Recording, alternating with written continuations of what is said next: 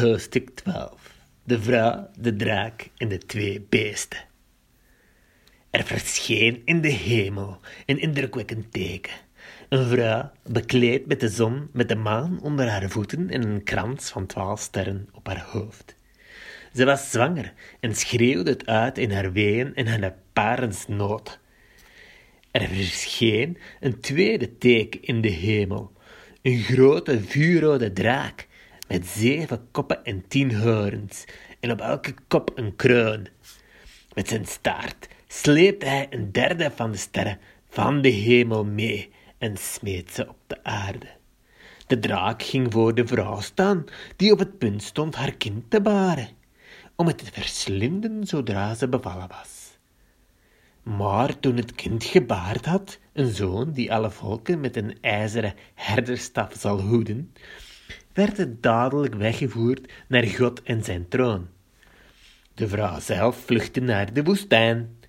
God had daar een plaats voor haar gereed gemaakt, waar 1260 dagen lang voor haar gezorgd zou worden.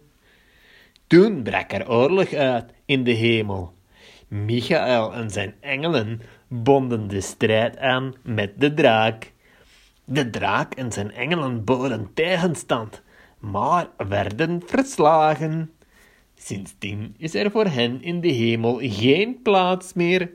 De grote draak werd op de aarde gegooid. Hij is de slang van weleer, die duivel of Satan wordt genoemd en die de hele wereld misleidt. Samen met zijn engelen werd hij op de aarde gegooid.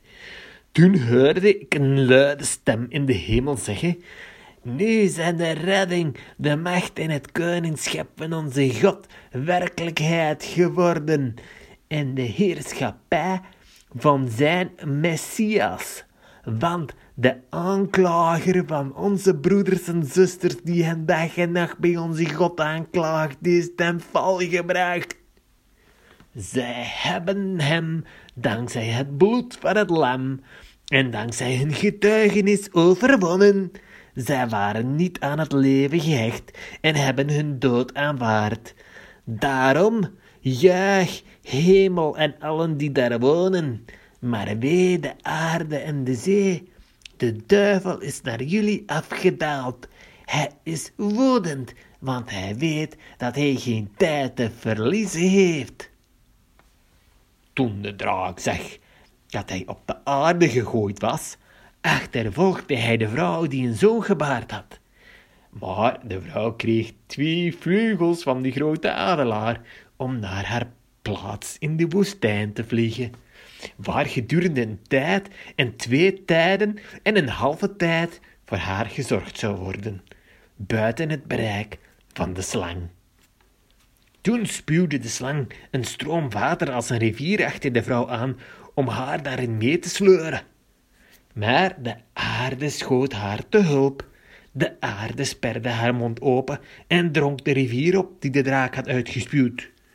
De draak was woedend op de vrouw en ging weg om strijd te leveren met de rest van haar nageslacht, met allen die zich aan Gods geboden houden en bij de getuigenis en bij het, bij het getuigenis bij het getuigenis van Jezus blijven.